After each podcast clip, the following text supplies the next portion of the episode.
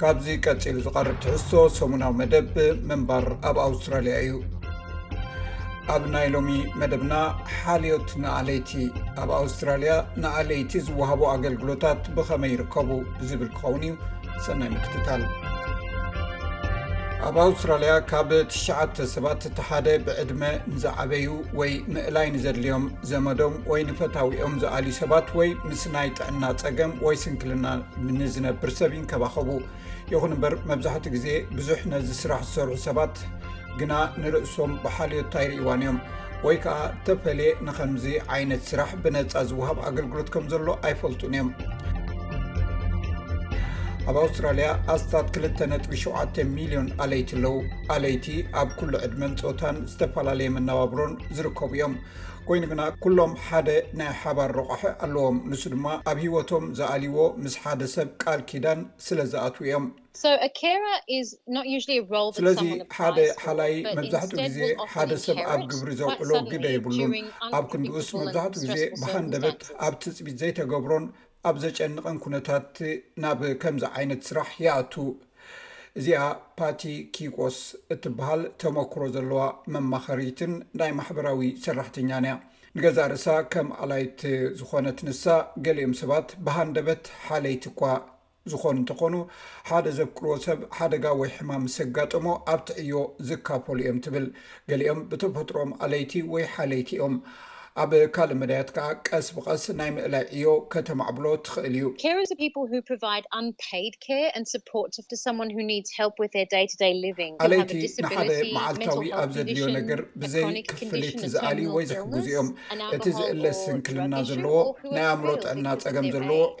ሕዱር ሕማም ዘለዎ ዘይምሕር ሕማም ዘለዎ ኣልኮላዊ መስተ ዘብዝሕ ወይ ብምኽንያት ዕድሚኡ ዝደኸመ ሰብ ዘይክፈሎ ክንክንን ደገፍን ዝህቡ ሰባት እዮም ሓደ ኣላይ ናይ ክንክን ሰራሕተኛ ወይ ደጋፊ ሰራሕተኛ ናብ ኣባይቲ ሰባት ከይዱ ደገፍ ዝህቡን ኣይኮነን ካብ ዝተፈላለዩ ዜግነት ዘለዎም ሓለይቲ ኣለውና ናይ ሓደ ኣላይ ሓላፍነት ኣካላውን ውልቃውን ክንክን፣ ስምዒታውን ማሕበራውን ደገፍ ክኸውን ይኽእል እዩ። ስሩዕ ስራሕ፣ ማለት ምኽዳን፣ ምሕጻብ ሰብነት፣ ናብ ሽቓቕ ምውሳድ፣ ምምጋብ፣ ምጽራይ፣ ኣፋውስ ምምሕዳር ከጠቓልል ይኽእል እዩ። ኣለይቲ ቆጸራታት ክሕዙን ክርከቡን ይኽእሉ። ኣብ ናይ ባንክ ኣሰራርሓታትን ህጹጽ ሓደጋታትን እውን ክተሓጋገዙ ይኽእሉ። ናይ ኣውስትራልያ ናይ ሕክምናን ማሕበራዊ ደገፍ ስርዓት ብዘይ እቶም ደሞዝ ዘይክፈሎም ሓለይቲ ስርሑ ኣይፍፅምን እዩ። ስለዚ መንግስቲ ኣለይቲ ኣድላይን ዝኾነ ናይ ባዕሎም ሓልዮት ኣብ ግብሪ ምውዓል ነቶም ኣለይቲ ምሕጋዝ ኣገዳሲ ምኸኑ ኣፍልጦ ሂበሉ እዩ።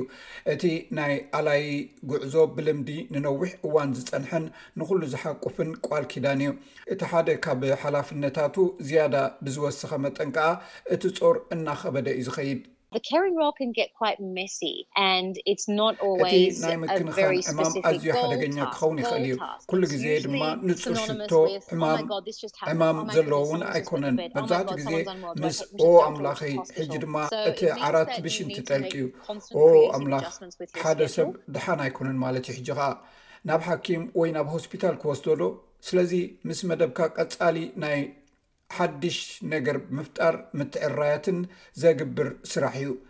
እዚ ዘየቋርፅ ተለዋዋጢ ኩነታት እዚ ንህይወት እቲ ሓላዪ ወይ ኣላዪ ሰብ ከሕልሎ ይኽእል እዩ፣ ንመዋቕር ስድራቤቱን ዳይናሚክን እውን ክቕይሮ ይኽእል እዩ።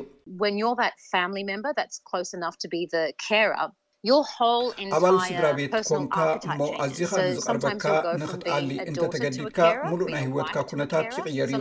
ስለዚ ሓደ ሓደ ግዜ ውሉድ ካብ ምዃን ናብ ኣላይ ወይ ከኣ ሰበይቲ ካብ ምዃን ናብ ኣላዪት ትቕየር።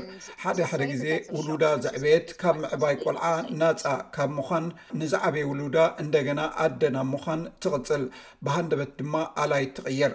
እዚ ስርዓት ብዙሕ ግምት ዘይወሃቦ እዩ። ብዙሓት ሓለይቲ ወይ ኣለይቲ ከምዚ ዝኣመሰለ ኣፍልጦ ስለ ዘይብሎም ነቲ ናይ ምክንኻን ሓደጋ ዕሽሽ ይብልዎ ይኾኑ። ነቲ ዘጋጥሞም ስምዒታዊ ጸቕጢ፣ ቁጠባዊ ጸገም፣ ማሕበራዊ ተነጽሎን ነቲ ዘጋጥሞም ጸገማትን ንምጻሩ ዝሕግዞም ናይ ደገፍ ኣገልግሎት ከም ዘሎ እውን ኣይፈልጡን ይኾኑ። ገለ ሰባት ካብ መንግስቲ ንኣለይቲ ዝወሃብ ኣብ ነፍሲ ወከፍ ፎርቲናይት ወይ ነብሲ ወከፍ ክልተ ሰሙን ሓገዝ ዝቕበሉ ይኾኑ ካልኦት ሓገዛትን ብናይ ኣውስትራልያ ኣገልግሎታት ሰንተር ሊንክ ማይ ኤጅድ ኬርን ኤንዲኣስን ኣቢሉ ንምርካብ ይፍቀደሎም እውን ይኸውን እቲ እትወሃቦ መጠን ገንዘብ ምስ ናይ ጥሮታ ኣበል ክወዳደር ዝኽእል ክኸውን ይኽእል እዩ እዚ ግን ኣብ ውልቃዊ ኩነታት እዩ ዝምርኮስ ከመይሲ እዚ ወፃኢታት እዚ ኣብ ኣታዊታትን ንብረትን እቲ ክንክን ዝግበረሉ ሰብን እቲ ሓላይ ሰብን ዝተመርኮሰ እዩ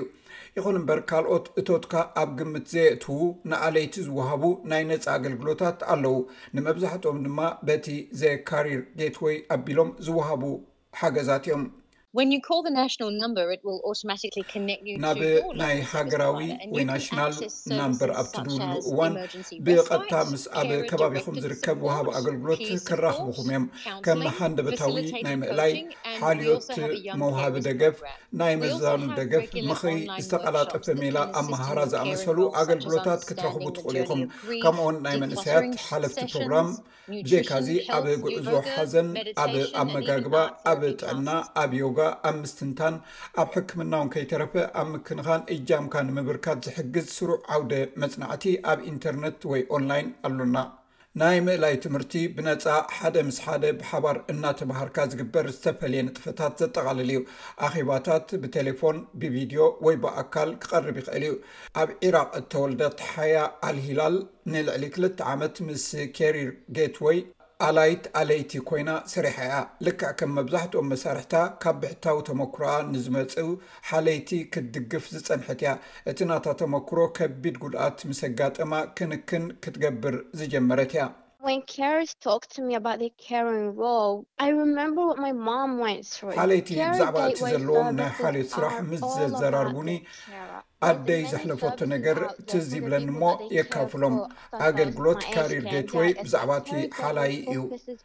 ብዛዕባ እቲ ሓላይ ወይ ኣላይ እዩ እቶም ሰባት ኣብ ደገ ኮይኖም ዘገልግልዎም ብዙሕ ኣገልግሎታት ኣለዉ ንኣብነት ከም ናይ ኤጅ ኬር ኤንዲስ ዝበሃሉ ኣለዉ እንተኾነ ግን ኬሪር ጌት ወይ ኣብቲ ሓላይን ኣላይን ጥራይ እዩ ዘተኩር እዚ ሓደ ሓደ ግዜ እቶም ኣለይቲ ክርድዎ ኣዝዩ ኣፀጋሚ እዩ ምክንያቱ እቲ ጠመተ ኣብቲ ዝግደስሉ ወይ ዝኣልይዎ ዘሎ ሰብ ወትሩ ስለዝኾነ እዩ ናይ ኬሪር ጌትወይ ፓኬጅስ ከም ህጹጽ ረድኤት፣ ሓገዝ ናይ መጓዓዝያ ወይ ናይ ጽሬት ዘጠቓልል እዩ። እዚ ሓሳብ እዚ ንገሊኦም ሓለይቲ፣ ድኻም ምእንቲ ከይስምዖም ወይ ከኣ ሓይሎም ምእንቲ ከይጽንቀቕ ደገፍ ንምሃብ ዘገልግል እዩ። እዚ ገለ ካብቲ ነቶም ሓለይቲ ዘጋጥሞም ኣዝዩ ኣስፋሕፊሑ ዘሎ ብድሆታት እዩ። ናይ ኣለይቲ ደገፍ ዝህቡ ከም ሓያ ዝኣመሰሉ ኣሰልጠንቲ ካብ እተፈላለየ ድሕረ ባይታ ንዝመጾ ኣለይቲ ንምሕያል ይሰርሑ እዮም።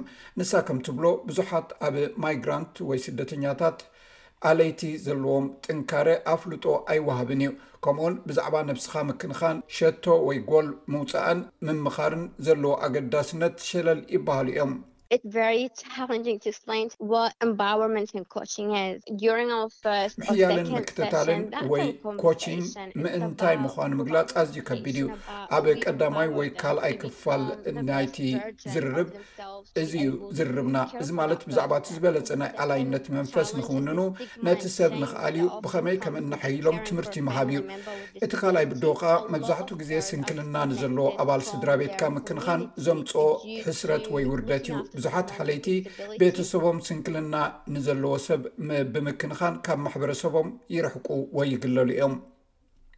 ብዘይካዚ እቶም ንብዕድመ ዝደፍኡ ኣዝማዶም ዝኣልዩ ሰባት በቲ ዘይ ኣውስትራሊያን ካርየርስ ጋይድ ዝበሃል ንመብዛሕትኡ ሰብ ገንዘብ ዘይክፈሎ ናይ ርብዒ ዓመታዊ መፅሄት ኣቢሎም ብዙሕ ሓበሬታ ክረኽቡ ዝኽእሉ እዮም ፖል ኩሪ ነታ መፅሄት ከም ዝጀመራ ክገልፅ ከሎ ብዕድመ ንዝደፍኡ ወለዱ ኣብ ምእላይ ናይ ገዛእ ርእሱ ጉዕዞ ድሕሪ ምግባሩ እዩ ጀሚርዋ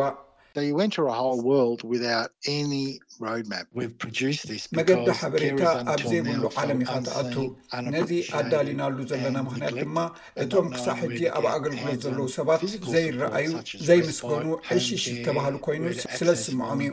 ኣበይ ናይ ኣካላዊ ደገፍ ከም ናይ ምትንፋስ፣ ናይ ገዛ ሓልዮት ክትረኽቡ ከም እትኽእሉ ዘይምፍላጥ፣ ኣበይ ወለንተኛታት ክትረኽቡ ከም ዘለኩም ንዝርዝር ኢና። እዚ ዅሉ ኣገልግሎትን ደገፍን።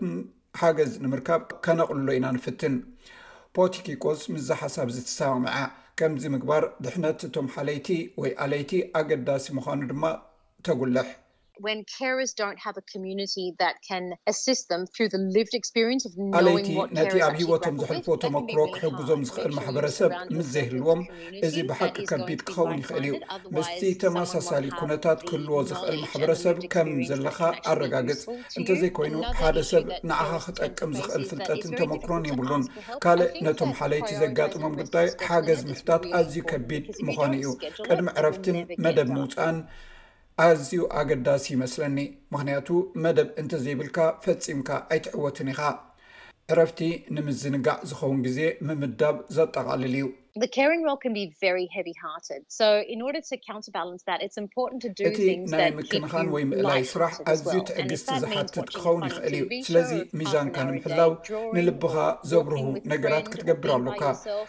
ከም መስሓቒ ናይ ፊልም ወይ ቴሌቭዥን ምርኣይ ወይ ፍርቂ ሰዓት ኣብ መዓልቲ ምስ ስእልታት ምርኣይ ወይ ምስ ዓርክኻ ጉዕዞ ምግባር ጉዕዞ እግሪ ምግባር ወይ በይንኻ ምዃን ማለት ንኣእምሮኣዊ ጥዕናኻ ከምኡ ምግባር ኣዝዩ ኣገዳሲ እዩ ደረታትካ ከተመዓራር እውን ፅቡቅ እዩ ኩሉ ግዜ ኣብ ውልቃውን ሞያውን ህይወትካ ኣብ ካልኦት መዳያት ናይ ምርኣይ ዓቕሚ ክህልወካ ስለ ዘይክእል፣ ከምቲ ቀደም ትገብሮ ዝነበርካ ክትከውን ከም ዘይትኽእል ንሰባት ክትሕብሮም እውን ኣገዳሲ እዩ።